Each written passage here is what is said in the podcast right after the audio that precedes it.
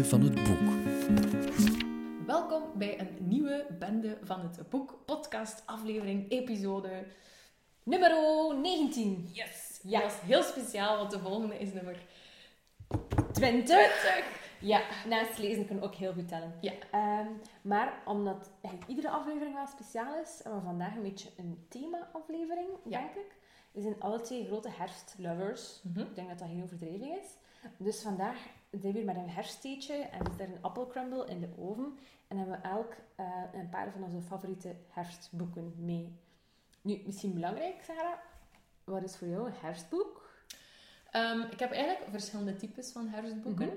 Maar ik denk dat voor mij een herfstboek eh, vooral een boek is dat je nu al naar verlangt om mee in de zetel te duiken, een dekentje op je te leggen en zo vooral weten dat buiten warm is. En dat binnen... eh, koud bedoel ik. Ja. Koud. koud, maar wel zonneke. Ja. Ehm, en dat, je, dat, je, dat toch zo binnen dan warm is en dat je een warm drankje hebt en gewoon dikke sokken of zo.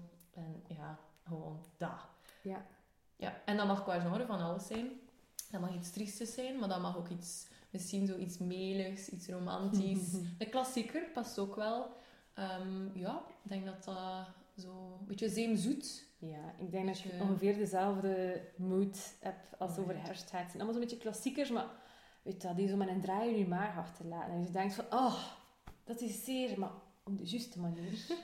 Dan kan je dat verzachten met je herfsttheetje. ja, inderdaad. En een beetje zoeter maken met Ja. een goede crumble. Ja. De boeken eigenlijk gewoon op een stapel gelegd. Ja. Met, de, met, de, weet wel, met de blanke zijde naar ons.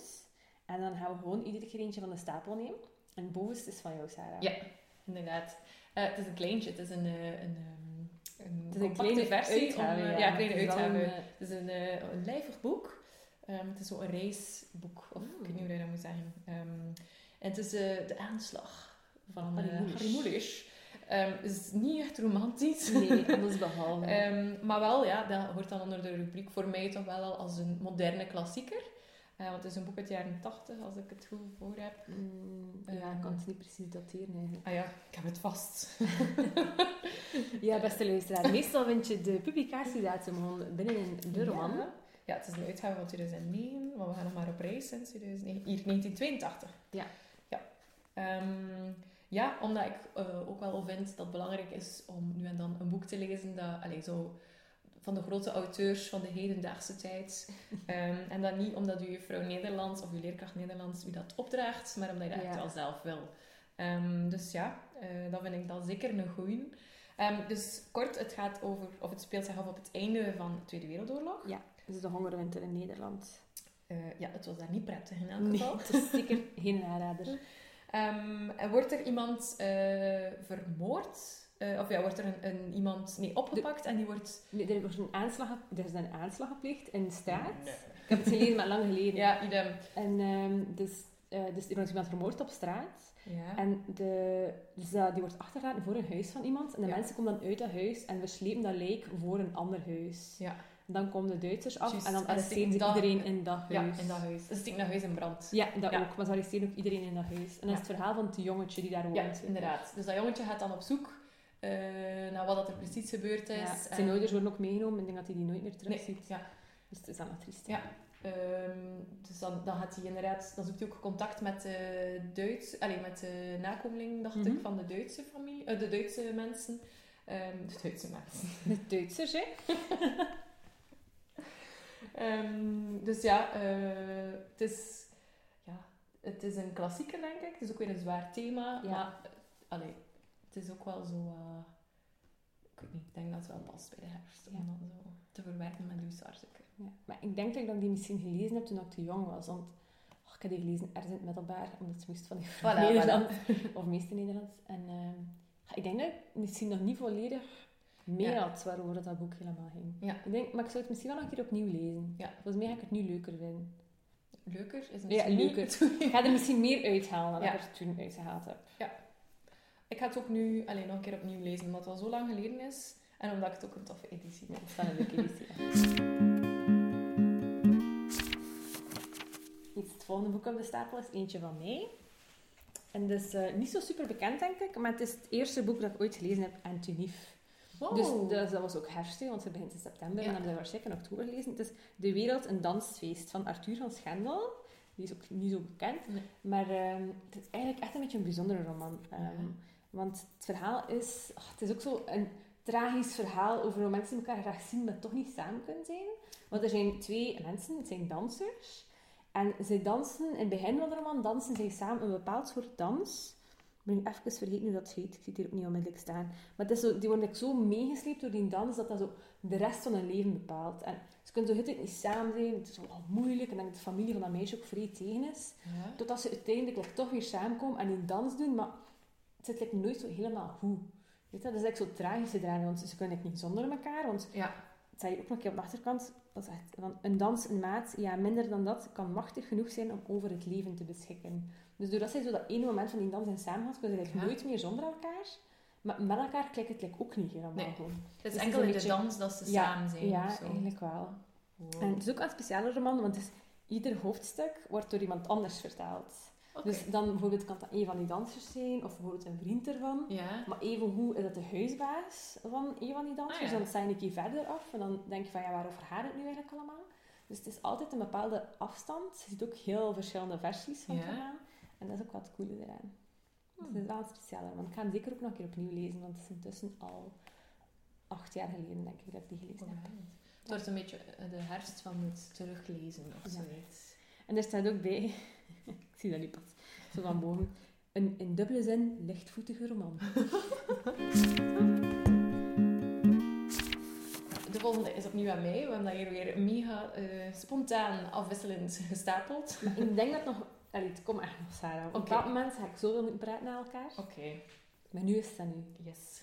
Oké, eh, dit is een van mijn favorieten. Eh, zelfs de vogels vallen van Frederik Willem Daam. Ehm, het is een hele leuke uitgave. Eh, het is het debuut van deze meneer. Ehm, en hij heeft de, de kaft zelf geschreven. Ja. Eh, en het is ook uniek genummerd. Dus ik heb boek 92 van de eerste oplage. Dus dat is heel speciaal. Het is ook al een beetje vuil. Ehm, Karakter, Sarah. Ah ja. Het heeft al een beetje karakter. Het is ook zo wat uitgelopen, dus, dus het, is wel, eh, het is wel heel leuk. Ehm, het is een eh, bundeling van korte verhaaltjes. Mhm. Ehm, en het leuke eraan is dat je in één verhaal, of in meerdere verhalen, als ik me goed herinner, eh, komt hij zelf ook voor. Dus, dus dan, maar op een heel subtiele manier. Dan is er een Frederik of zo, of dan is er een, een schrijver, als ik me goed herinner. Dus ja, het zijn allemaal verhalen die niets met elkaar te maken hebben, maar wel over bijzondere figuren gaan. Bijvoorbeeld een prediker, een televisiepredikant, ehm, waarvan dat je soms al een keer afgevraagd hebt van, huh, hoe, hoe komen die mensen die erop? mensen ja, voilà. Waarom doen die dat? Ehm, dan is, gaat het ook over eh, twee ruimtevaarders die samen in een ruimtetoestel Mhm. zitten en die elkaar niet af kunnen. Oh. Maar ja, je zit wel in een mini-omgeving, zo een beetje in de ruimte en al. Ehm allee, zo allemaal unieke verhalen en hij schrijft echt super mooi. Zijn zinnen zijn. ehm, de verhalen op zich zijn niet wereldschokkend, maar eh, ik ben een mega grote fan. Eh, het is zijn debuut, dat heb ik al gezegd. Ehm, je kent misschien zijn naam eh, omdat hij een van de oprichters is van het magazine Oogst, het kunstmagazine. Ehm, hij schrijft ja, bij verschillende magazines ook columns. en hij heeft ook een, monografie gemaakt van Rinus van de Velde. Misschien dat dat bij sommige mensen een belletje doet rinkelen. Maar dus, Frederik Willem Daam, zeker aanrader. Yes. Eh, en je moet het lezen in de herfst, omdat het het debuut is van een interessante figuur. En de ene keer dat ik hem in het echt heb gezien, had hij zo'n een, een wollen trui aan. ehm, ja, die echt perfect bij de herfst past. Een wollen type. Voilà.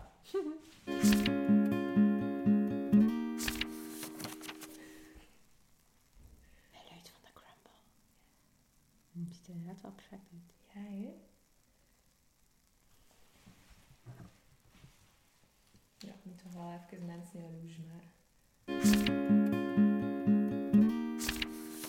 De volgende is weer van mij. En het is wel echt een, een, een, een echte, echte classic. Het is Wuthering Heights van Emily Bronte. Dacht, met dat daar altijd zo'n slecht weer is, is dat Herfst. gewoon een typisch herfstboek. Het is ook een klein beetje eng, wat dat ook wel zo wat herfstig is. Ehm, voor de mensen die echt nog nooit de film gezien hebben, of like, het liedje van Kate Bush niet kennen, en ook nog nooit het boek gelezen hebben. Ik weet niet wie dat jullie zijn. dus dat, ik zal toch de plot uitleggen. Ehm, want eigenlijk weten veel mensen niet dat Wuthering Heights uit twee delen bestaat. Vooral het eerste deel van het boek is bekend. Ja. En het eerste deel gaat echt wel over de passionele relatie tussen ehm, Cathy en Heathcliff. Mhm. Iedereen kent Heathcliff. Als er nu iemand tegen mij komt zeggen van Heathcliff, wie is die kerel? Heathcliff is echt zo de woestere, donkere man die zo wat mysterieus is en personeel. En weet dat, die zo... Iedere vrouw is er geïnteresseerd, maar eigenlijk kan niemand ermee samen zijn. Dat is Heathcliff. Ehm, Heathcliff groeit eigenlijk samen met Cathy. Die, zo een, die in een huis, echt zo in the moor. Dus echt zo Engelse countryside, maar zo een vrij woeste omgeving eigenlijk. Ik denk niet dat we iets vergelijkbaars hebben hier.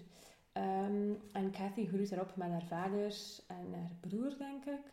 Eh, en Heathcliff dus, die wordt daar op een of andere manier in huis gehaald. Eh, en die hebben altijd wel zo'n beetje een speciale relatie. En als die ouder worden, dan wordt dat zo iets meer. Allee, het gebeurt daar niet echt iets fysieks, denk ik, maar er is altijd wel zo... Allee, dat speelt ergens wel altijd. Maar dan eh, is er ook nog ergens een buurjongetje, dus die is wel een goede familie, goede komaf, die is daar wel geld. En die wordt dan ook verliefd op Cathy. Dus dan is het zo'n beetje voor Cathy zoals hipper, maar ja, welke ik nu zo dat passionele, dat donkere, want ze heeft dat ook wel in haar, die is ook wel zo, wel zo een speciaal type. Eh, of ga ik zo meer de goede keuze maken, namelijk trouwen met Linden, nee, is Linden? Het zijn achternaam niet meer. Anyway, dat is altijd zo'n beetje, eh, ja, een beetje moeilijk. En ehm, op een bepaald moment heeft Heathcliff zoiets van, ja, Catherine, die gaat hier niet voor mij kiezen en laat maar zijn, ik ben hier weg. Ik moet allemaal, ik moet allemaal niet meer weten. Ja, echt een beetje de dramatische reactie. En dan is die weg en dan, ehm, ja, daar stopt dan, allee, daar stopt niet echt het eerste deel van het verhaal, maar ik ga niet alles spoilen. En in het tweede deel van het verhaal is het dan zoveel jaar later, eigenlijk een beetje een nieuwe generatie, en dan komt Heathcliff terug. En ehm, ja, dat is like zo... Het is e- echt een beetje een bijzonder verhaal. Het is ook zo'n beetje eng, want zeker in het begin van de roman is dat zo met van die rare droom dat ze heeft, met de wind die heel tijd zo tegen die raam tikt en al. Ik ben er echt, de eerste keer dat ik erin begon, ben ik tot daar in de eerste nacht ben geraakt en ben ik dan gestopt omdat ik het te eng vond. Hetzelfde met de film. Ik heb de film ook nog nooit uitgekeken. Ehm, maar het is echt heel speciaal. Het is een- zo, echt zo'n sfeer. Het is om zo te lezen als zo in het weekend keer de hele dag regent en dat je denkt van, oh, wat ga ik nu doen? Ik ga mij in een zetel nesten daarmee. Mhm. Dus eh, ja. En het gaat ook zo een klein beetje over hoe dat zo... Dat, dat wilde in iemand, dat zo, ook zo echt vrij in die natuur terugkomt, dat ik zo ook andere mensen vrij kan aantasten. En zo echt zo verder werken in, in zo generaties door. Hm. Dus ehm specialeke. En ik denk wel zo een boek dat zoveel mensen denken dat ze weten, want het gaat daarover. Maar niet superveel mensen hebben het al gelezen. Mhm. Dus ik zou zeggen, lees het. Heb jij het al gelezen? Nee, ik ken het ook van de film. Ah ja. En van ehm, En van de, ja, Kate Bush. uiteraard. Ja. Ja.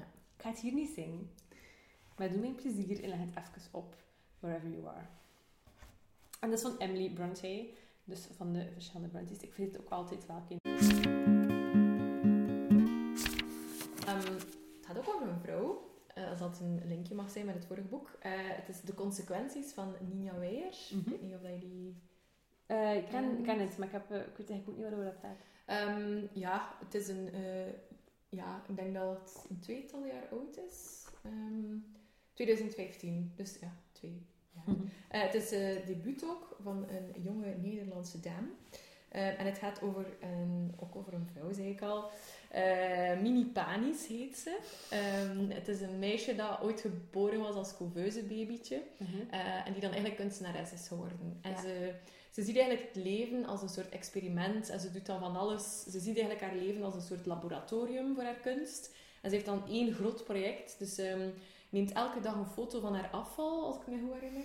Ehm, en dan wil ze daar iets, iets zots mee doen. En ze, allee, ze, is, ze is niet zo succesvol in de liefde, maar ze heeft het gevoel met dat project dat dat, dat, dat eindelijk is wat ze echt wil eh, doen en betekenen. Maar dan krijgt ze plots een brief. ehm, en een aantal, ehm, ja, heeft ze soms het gevoel van, huh? Allee, een déjà vu gelijk dat ze zeggen. Ja. En dan heeft ze door dat ze eigenlijk niet zomaar een couveuse baby was, maar dat er dus ooit iets Oeh. gebeurd is. Ja. En dan kom je allee, beetje bij beetje te weten wat dat er nu precies eh, met haar als kindje eh, gebeurd is.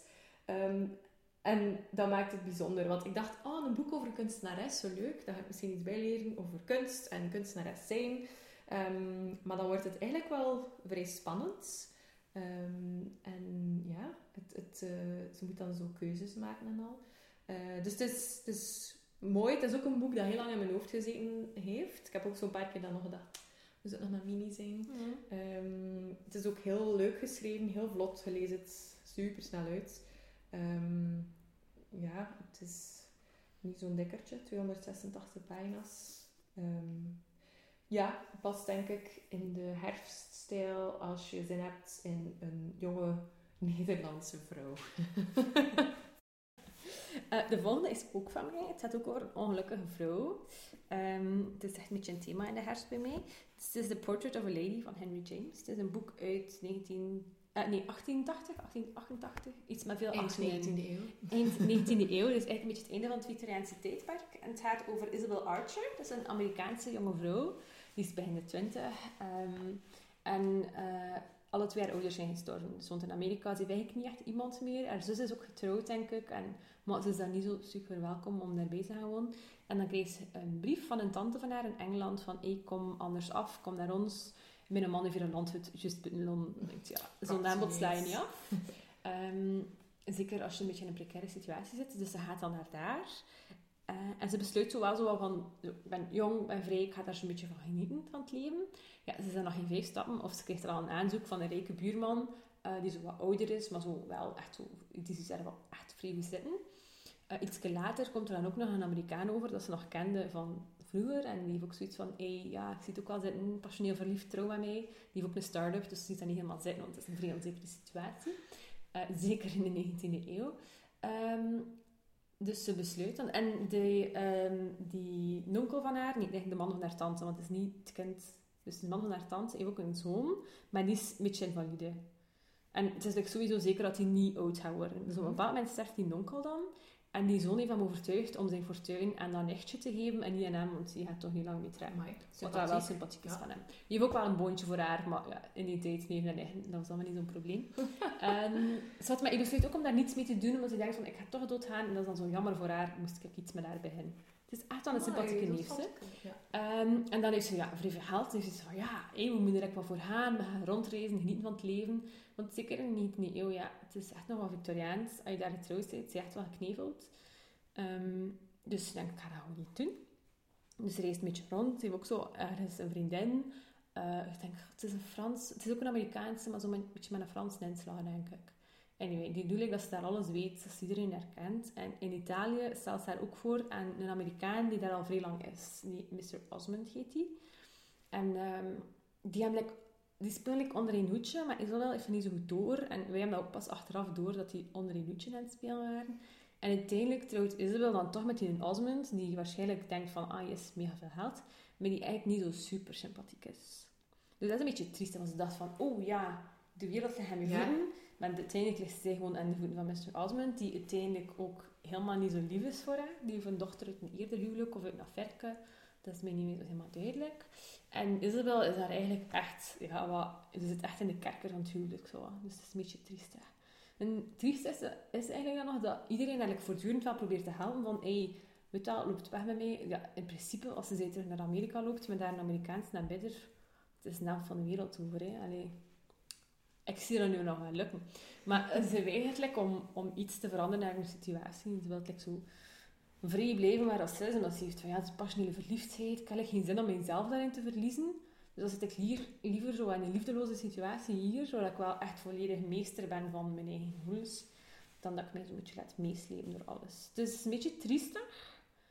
Dus ze heeft een keuze gemaakt die helemaal fout was, maar ze wil er wel bij blijven. Dat is een beetje jammer. Maar voor de rest is het wel zo... het is ook zo typisch een roman. Als hij zo Italië beschrijft, denk je altijd van... Ja, eigenlijk, zo'n rondreis in Italië, ik zou dat nu ook nog een keer moeten gaan doen. Dus um, dat is al goed om in de herfst direct je vakantieplan voor volgend jaar te maken. Ah, vandaar de link met de herfst. nee, het is ook echt zo... Ik vind het wel echt een herfstroman, omdat zo... Het is echt een beetje herfst in het hart van Isabel Archer.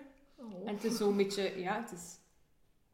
Ja, ze haalt in een vroegtijdige herfst, hè, want ze is jong en ze wil nog van alles doen en dan plotseling gaat dat niet meer. En dat gaat ook niet meer gebeuren voor haar, want mm. ze gelooft er zelf niet meer in. Dus ze zit echt in de herfst van haar leven. Maar het is een mooie roze cover van mij, uit 1963, dus die is wel al... Ja, hij is, hoe oud is hij dan al? 54 jaar. Ja. Mai, dat is gek. Die ruikt nog altijd vrij lekker. Ik ben vooral onder de indruk van hoe snel ik kan rekenen. Ja, mijn mama is van 1963. Ah. Voilà!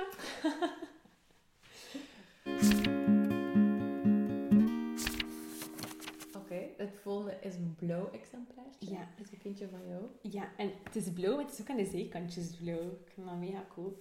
Ehm, het is een special edition van de Harry Potter and the Philosopher's Stone. Ja. Ik heb die gekocht in juli, juni, denk ik. Ja, want toen was het 20 jaar geleden dat het eerste Harry Potter boek uitkwam. Ik had er vrij sterk voor en dan ook die per se opnieuw lezen, maar ik had hem nog niet in het Engels. En dan heb ik hem online bestaan, maar dan was de Gryffindor edition uitverkocht, die was rood. En dan heb ik de Ravenclaw edition gekocht in blauw. Maar toen ik het las van mij, dacht ik van eigenlijk ben ik misschien wel meer een Ravenclaw dan een Gryffindor. Dus wat dit alles terzijde voor de niet-fans die waarschijnlijk niet zo heel veel van verstaan hebben. Sarah, heb je nog nooit Harry Potter gelezen? Ah, Je bent een van die mensen. Oh, maar ik vind dat mega gek. Ik ben echt opgegroeid met Harry Potter. Op sommige mensen in mijn, momenten in mijn jeugd was Harry Potter echt mijn enige vriend.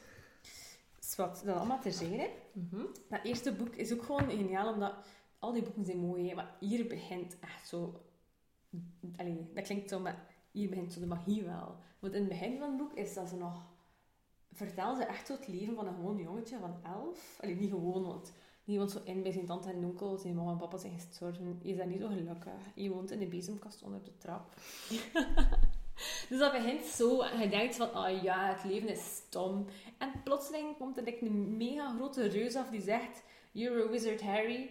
En dan begint alles. En het is een avontuur en vriendschap en trouw en mega veel eten. Ze ze eten echt veel hierin. Ah, en de herfst is ook altijd zo speciaal. Nu heb je mijn. Ja, nu heb ik je aan. De herfst is ook altijd zo speciaal in Harry Potter, want Halloween is er zo'n super groot feest met pompoenen en al. En maar echt met bijvoorbeeld pompoen, hè. zo genetisch gemanipuleerde pompoen, maar dan met magic. Magisch Dus die kun je gemanipuleerde niet meer opnemen. pompoen. Ja, jawel. Ah, ja, ja. Het is met magie gebeurd, hè, dus dat mag Mm. dat. Ah, Ja, ik weet niet of ik het verhaal moet vertellen van die eerste, dat, dat eerste boek. Ik ken het niet in elk geval. Heb je de film ook niet gezien? Nee. Geniaal. Ehm, dus in het eerste boek, dus Harry gaat dan Ede als Weinstein. Ja, ik heb het in het Engels gelezen. Hij gaat naar Hogwarts. En hij leert dan zijn- beste vriend kennen, Ron Weasley. Eerst gaat het een beetje moeilijk met Hermione Granger, maar dan worden ze ook wel goede vrienden. En ze ontdekken dat er iets verborgen ligt in het kasteel. Nu, ehm, En de school. ja, Ah ja, ja, dus de school is in een kasteel. Oké. Ja. Sorry. Ehm, goed daarmee af en toe nog een keer toetsen, de realiteit. Ja, weet, Ja, eh, ze ontdekken dat er iets verborgen ligt. En hetgeen dat verborgen ligt, is de steen der wezen, of de Philosopher's Stone. Dat is een steen en je kunt daarmee eh, ieder metaal in goud veranderen, maar je kunt er ook een levenselixier mee maken. Zodat je altijd blijft leven. Maar je moet wel altijd van dat ding blijven drinken, natuurlijk. Dus dat ligt in de school en dan ontdekken ze ook... Dus je hebt één grote slechterik, Harry Potter. Dan ontdekken ze dat hij die steen der wezen wil stelen en dan moeten ze die tegenhouden. Dat is heel spannend. Maar ook mooi en hartverwarmend. En zoveel goede dingen over vriendschap en al, dat je daaruit leert. En hoe dat, je ziet niet wat, dat je, wat dat je kunt en wat dat je talenten zijn, maar wat dat je er uiteindelijk mee doet. Belangrijke les. Dank u, Harry Potter. Sarah, ik vind, je moet op zijn minst naar de film kijken. Maar En je mocht veel ook mijn boek lenen. Ja, want er zijn in totaal zeven boeken, hè. Oké. Maar ik heb wel een ander boek van J.K. Rowling liggen. Nee, het is niet Harry Potter. Waar is dat? Was mijn film. Ah, ja, ik dacht al dat er muizen waren. Nee, het Oké, niet. niks. Ehm, maar ik heb ooit een boek gekregen van Harry Potter van mijn papa. Ja. Maar zo de vuurbeker of Ja. zoiets. Maar dat is lijkt midden in het ding. Maar ik ben ook wel... Mijn zus heeft ooit eh, het tweede boek gekregen voor kerstmis. Dan had zij dat uitgelezen. Zo mega traag over gedaan. Dus dan heb ik het ook uitgelezen daarna. Dan vond ik dat echt wel goed. En dan als mijn nicht een tijdje daarna haar vierde boek laat liggen, dus de vuurbeker, dan was ik daarin begonnen. Maar dat begin was redelijk eng. En dan durfde ik niet meer doorlezen, maar dan durfde ik ook niet meer slapen, omdat ik het te eng vond. En dan had mijn papa gezegd van, Therese, je moet het gewoon uitlezen. En dan gaat het niet meer zo eng zijn, omdat je weet hoe dat afloopt. Ah, ja. Ik denk dat hij er ook van uitging, het is een kinderboek, het loopt goed zal wel oké zijn. Ja, in principe loopt dat boek niet zo super goed af. Eh, dat is wat, ik heb dat wel uitgelezen. En vanaf dan, ik heb vrij gehopt. Ik ben begonnen met het tweede boek, dan het vierde, dan het derde, dan het eerste en dan vijf, zes, zeven, want die kwam pas erna uit. Oké. Dus het is wel mogelijk, hè. Maar, ja. Allee, ik zal dat boek een keer terugzoeken. Ja, maar je mocht, de ook een dien lenen van mij, Ja. als je wil. Ja, Ja? ik vind dat wel herfstboek, in de kerstvakantie. zo, ja, kerstvakantie is ook wel goed daarvoor. Maar zo, de herfst, zo een beetje... Het is wel een periode voor zo een beetje fantasie, hè? Ja. Oké. Dus bij deze mijn vurig pleidooi voor Harry Potter. Het volgende boek is eentje van mij en het heet The Book of the Bird. Birds in Art. Ehm, en het is eigenlijk dus geen roman, maar het is een, Oh. ehm, een boek met, ehm, ja, ja, zoals het, de ondertitel het zegt, met allemaal kunstwerken in waarin dat een vogel een zeer prominente rol speelt. En nu en dan staat er een, een beetje uitleg bij, maar niet zoveel. Dus het is eigenlijk vooral plaatjes kijken. Oh, tof. Het, is, het is ook uh, super goede kwaliteit van de, van de Oh, vogel het is- het zijn zelf. niet gewoon foto's, het zijn echt Nee, nee. kunstwerkjes. Ja, ja, het zijn echt schilderijen waarin dat de vogel dus altijd centraal staat. Oh, en het is ook tof, want in de herfst kun je echt vogeltjes kijken. Voilà, vandaar mijn link met de herfst. Oh. En ik heb ook iets met vogels. Ik kan dat niet zo goed Je hebt verklaren. inderdaad wel echt iets met Ja. vogels. Ik vind dat like, mega speciaal. Maar dat is ook zot, hè. Ik bedoel, als je kijkt naar zo'n koolmeesje gewoon, Mhm. die komt super veel voor, maar dat is zo mooi en zo En speciaal. zo al. broos. Ja. En dat is zo uniek dat je dat een keer ziet. En dan moet je daar zo proberen van te genieten met je ogen. Ja. En, want je kunt zo snel het weer wegjagen. ja, en Dus- ook, die zijn echt super broos, hè. Want als je kat dat zo een keer meebrengt, dan zie je pas van... Ja, wat Hoe licht dat dat is ook Ja, gewoon. dat leveke. Hier staat er een koolmees. Hier ook. Ja. Ja, het is echt eh, een mooi boek. En het is allee, wel met zo uitleg over de schilders dan. Mhm. Staat er wel een beetje in, dus u kan ook lezen. Ehm, ja, ik heb het eigenlijk vorig jaar gekregen voor mijn verjaardag. Dus het is wel een bijna perfect cadeau opnieuw mijn verjaardag. Ja, ja, ja. Ehm, dus ja, ik ga het zeker eh, nu in deze tijden een keer doornemen. Het is ook een mooie kaft. Het is zo'n leuk, een leuk eh, ekster. speciaal velken. Dat is ook zo gek, want ekster is zo'n vogel. Veel mensen vinden zo'n stomme vogel, maar als je dat ziet en dat blauw, Ja. dan in dat veertje. Super mooi. Voilà, dat is eh, mijn boekje. Zonder verhaal. Volgende boek is over een triestige jongeman. Eigenlijk Ah. sinds dat hij zo jong. Ehm, het is The End of the Affair van eh, Graham Greene.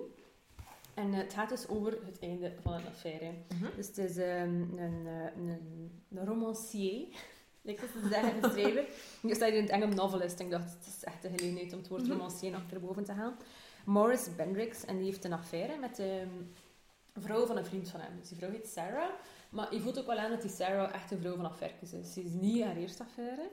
Ehm, maar voor hem is dat wel echt Liefde. ja, dat is echt liefde. Voor hem is dat niet gewoon even eh, een keer Dat over de haag kijken of zo. Dat is echt, dat gaat heel diep bij hem. En hij heeft ook wel het gevoel dat dat bij haar niet gewoon nog een affaire is. Maar plotseling uit het niets, dus vindt plaats tijdens de London Blitz, dus in de Tweede Wereldoorlog, weer al echt waar. Mhm. Ehm, dus als Londen echt bestookt wordt de hele tijd door, eh, door de Duitsers, dus sowieso een spannende periode. Ja. Midden in de London Blitz ehm, zegt zij plotseling van, het is gedaan, het hoeft niet meer. En zij doet wel alsof dat gewoon een affaire was. Maar ja, voor hem voelt dat echt wel als aanlijk. Van wow, ik als zijn vrouw bij hem zou weggaan of zo. Dat is super Ah, en voor heeft ook een vrouw. Nee, nee, nee. nee, Ah, nee. Maar ik bedoel, dat heeft evenveel impact bij Ah, hem ja, ja. als van... Van een Dat andere... zijn vrouw zegt, Ah, ja, ook al is zij eigenlijk getrouwd met iemand anders, dat is super belangrijk voor hem, die relatie. En zij zegt gewoon van, kijk, ja, toen ik dat moet hebben. En zij is weg. Dus ik doe dat dat voor haar niet zoveel Mhm. voorstelde. Maar je vindt dat super raar en je heeft daar zo lang echt... Ja, je dacht gewoon dat hij iemand anders gevonden. Hey, eh, het was een beetje leeggebloed voor haar of zo, Ja. iemand anders. En dan plotseling een paar jaar later, ik denk dat zij dan ook gestorven is. Oei. Of, of iets daarna gaat ze dood alleszins. En die kan het echt niet meer zo aan en die stuurt er een privédetectief op af. Dus die, je, ziet, je volgt dan ook die privédetectief, hoe dat hij zo alles dat leven zo wat uitpluist. Pardon. Dat hij zo alles wat uitpluist. En gaandeweg kom je zo wat meer te weten daarover.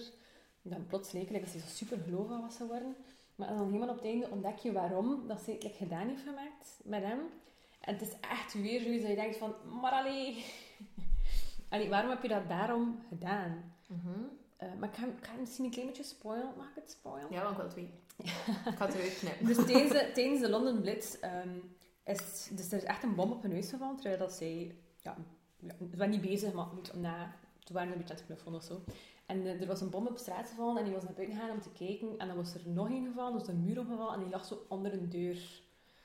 En die bewoog niet meer. En zij ging gaan kijken en die dacht van, oh nee, ja, nee, hij is dood. En in dat moment van haar wanhoop, als ze like, gezegd van, amai, als hij nu nog leeft, dan ga ik vanaf nu een goede vrouw zijn. Ga ik, ga ik nooit meer mijn man bedriegen. Ik ga het alles geven als hij nu nog leeft. En die leefde dan nog.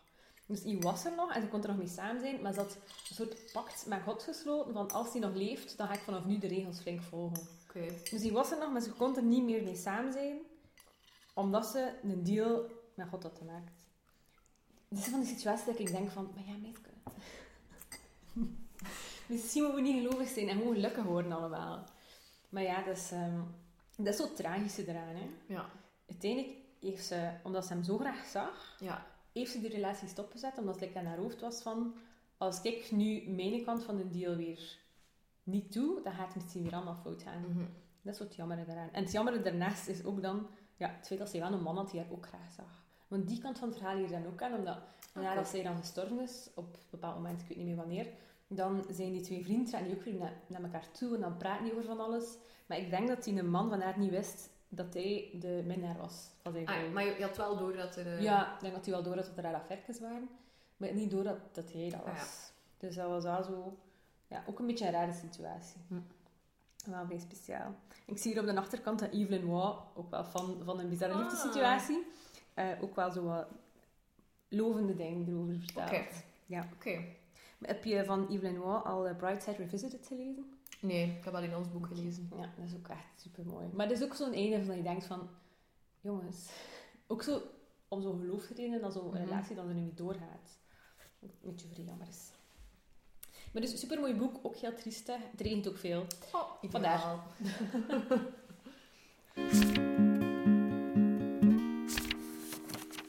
En de volgende is die van nu. Yes. Ehm, ja, nog een klassieker. Ik denk dat ik misschien nu in jouw interessesfeer kom. Maar ik ben niet zeker. is The Great Gatsby. Ehm, het- dit boek, allee, deze versie heb ik nog nooit gelezen, maar ik vond het wel een super mooie. Ja, het is echt een mooie editie. Maar ik heb hem nog niet gelezen, omdat ik het verhaal wel ken. Maar ja, ik ga hem misschien wel een keer doen. Heb je het boek nog niet gelezen? Jawel, maar niet Ah, dit ja, ja, ja. omdat ja, ja, ja. Dus Dit die, wou uitgave. ik hebben voor in mijn ka- kast. Ja, dat snap ik. Ehm, dus we gaan hem op Instagram zetten. Het verhaal wordt dus verteld door ene Nick Carraway. Mhm. Ehm, en dat is het neefje van Daisy. En Daisy is een, eh, een, een, eh, mooie vrouw. eh, en ze is vooral de vrouw van een rijke man. Dus zij woont op Long Island ehm, bij New York. ehm, in een kast van een villa. Ehm, Aan een meer. aan een meer. En aan de overkant van dat meer woont ene ja, Jay Gatsby. En die is vooral gekend omwille van zijn feestjes dat hij elke week, denk ik, geeft. eh, waarop dat iedereen welkom is, waarin dat echt alle extravagante toestanden... ehm, Ja, en dat is echt mooi in de film. Hoe Ja. ze dat gebracht Ja. hebben. Het is echt Ja. extravagant, echt roaring twenties Ja. film. met de champagne, de kleren zijn super mooi om te zien. Altijd de muziek van Jay-Z. Muziek, ja, dat vond ik soms wel wat raar, maar goed. Ik vond dat wel cool. Ehm, en dan ehm, ja, kom je eigenlijk via die jong te weten waarom dat hij dat doet. Ehm, en hij doet dat eigenlijk omdat hij hoopt dat Daisy daar ook zou naartoe komen.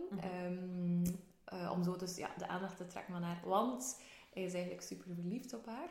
Eh, want voordat hij... ehm, Rich and powerful was. ja, was hij eigenlijk een gewone ja, arme jongen eigenlijk.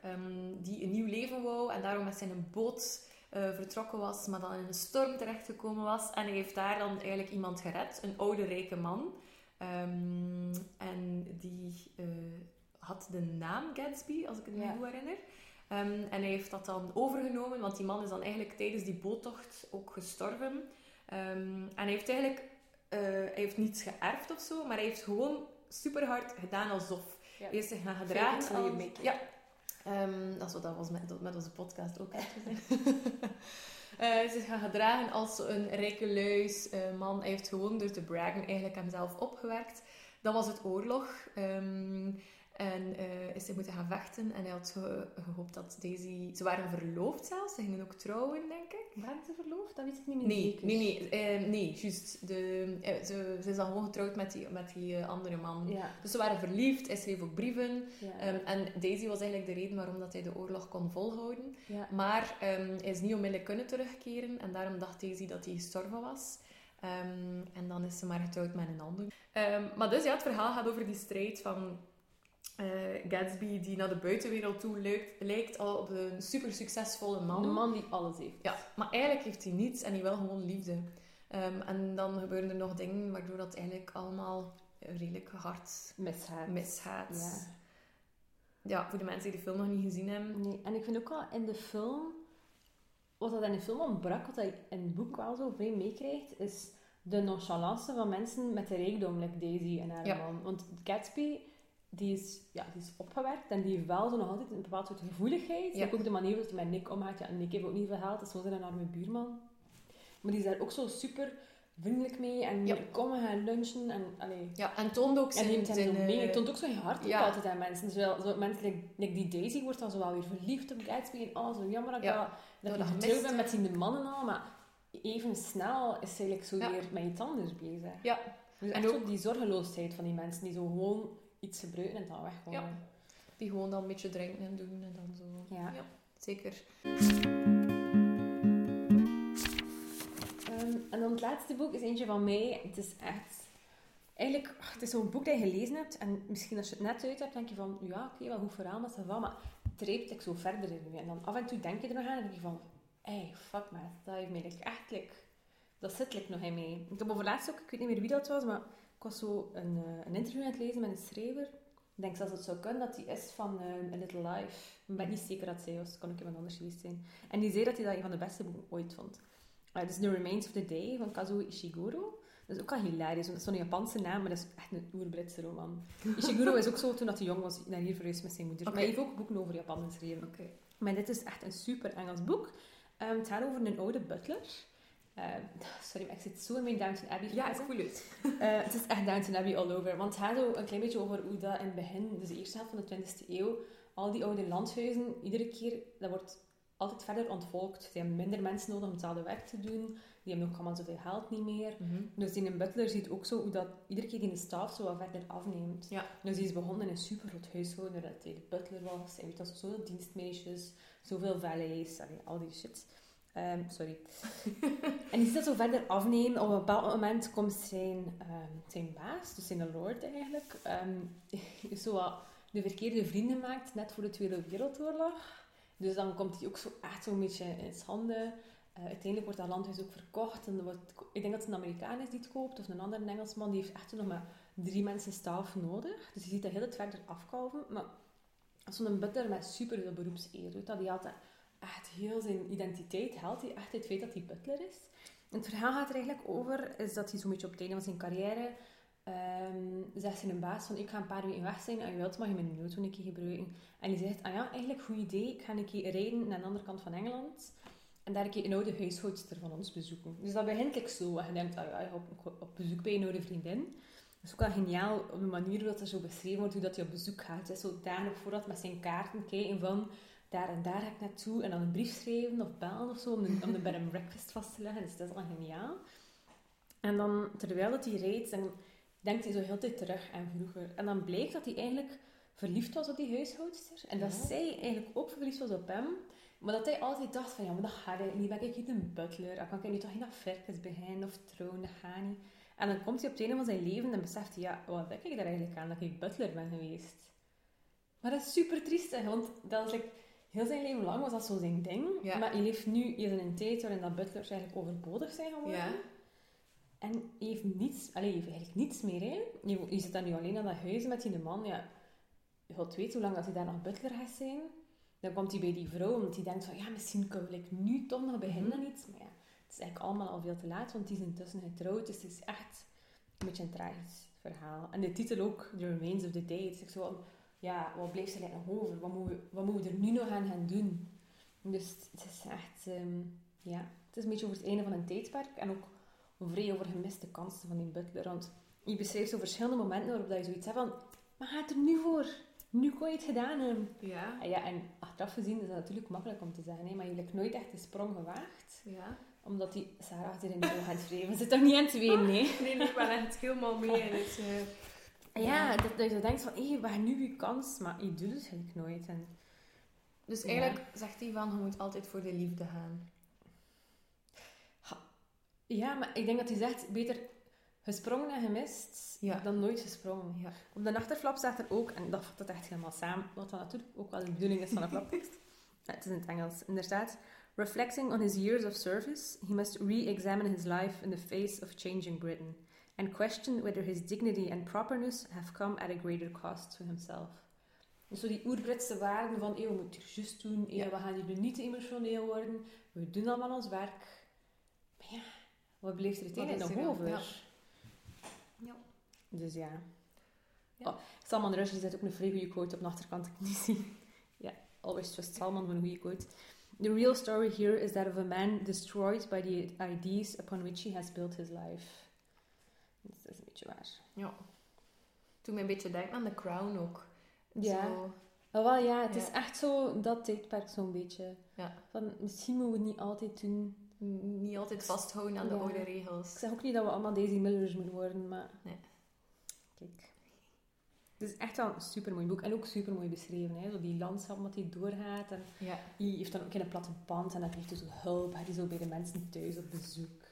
Het is echt... ehm, Gast, die toer- touring zorgt toch ook voor eh, kansen dat je niet meer... eh, nee, voor gemiste kansen. En schreef- het is echt zo'n beetje een dagboek dat hij bijhoudt eigenlijk. Want hij zit ook day to morning, Salisbury. Huh? Dus die is zo waar dat hij is. Ja. Maar, ehm, Dus de reis begint vrij snel. Allee, het boek gaat eigenlijk vooral dus over die die, of- ehm, ja, en het is ook zo vanuit zijn eigen standpunt. Dus het boek gaat over de reis, maar tijdens Ja. die reis kijkt hij terug op, eigenlijk Ah, op ja, ja, heel zijn leven. Want Ja. ik denk dat hij hier misschien al eind de 50 of begin de Ja. 60 is of zo. Ja. Het is echt...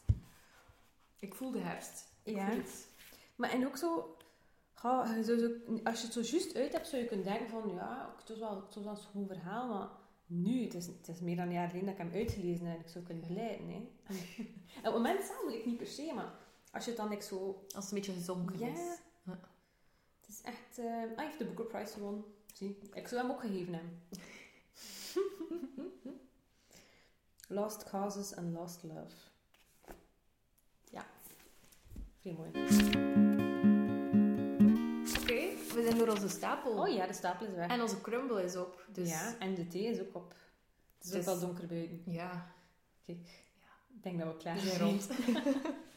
Oké, dan eh, ja, dank u Trace voor jouw medeliefde voor de herfst. Ja, dank je Sarah. Ik bedoel, er is zoveel herfsthaat. Ik heb het gevoel dat we echt een, een herfstpromocampagne moeten voeren. Die dan- bij deze ingezet Voilà, is. dan zijn we al begonnen. Ja. Oké. Eh, lieve luisteraars, gelieve de liefde voor de herfst verder te verspreiden. Heb je zelf vragen over herfst of herfstblues? Ja. Richt aan ons. Ja. Ik denk dat we het kunnen oplossen met een beetje thee en een crumble. Ja, en en een kaneel.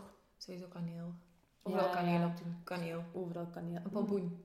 Ja. En Zo'n champignons. zo'n beetje kaneel en tomatensaus. Mm. Super lekker. Het is maar een idee. Heb je nog meer herfstideeën nodig? Dan kan je ons altijd volgen eh, via Instagram, Facebook of Soundcloud. Eh, overal kan je op zoek gaan naar Bende van het Boek, want dat is onze naam. Ehm, stuur gerust al je vragen, al je opmerkingen, al je Voorstellen ideeën. ook voor. Voorstellen, tuurlijk. Zeker, zeker, zeker. Eh, wat dat er nu opkomt en ook enigszins weet wel, betamelijk is en van die dingen. Dus ehm, stuur maar op. En tot dan nemen we eigenlijk gewoon afscheid. We bedanken nog even Jasper, Michiel en Jofra. En eh, Sarah voor de accommodatie vanavond. Graag gedaan. En eh, dan hoor je binnenkort weer van ons. Ja. Ciao. Bye. Je moet het knopje doen. Knopje.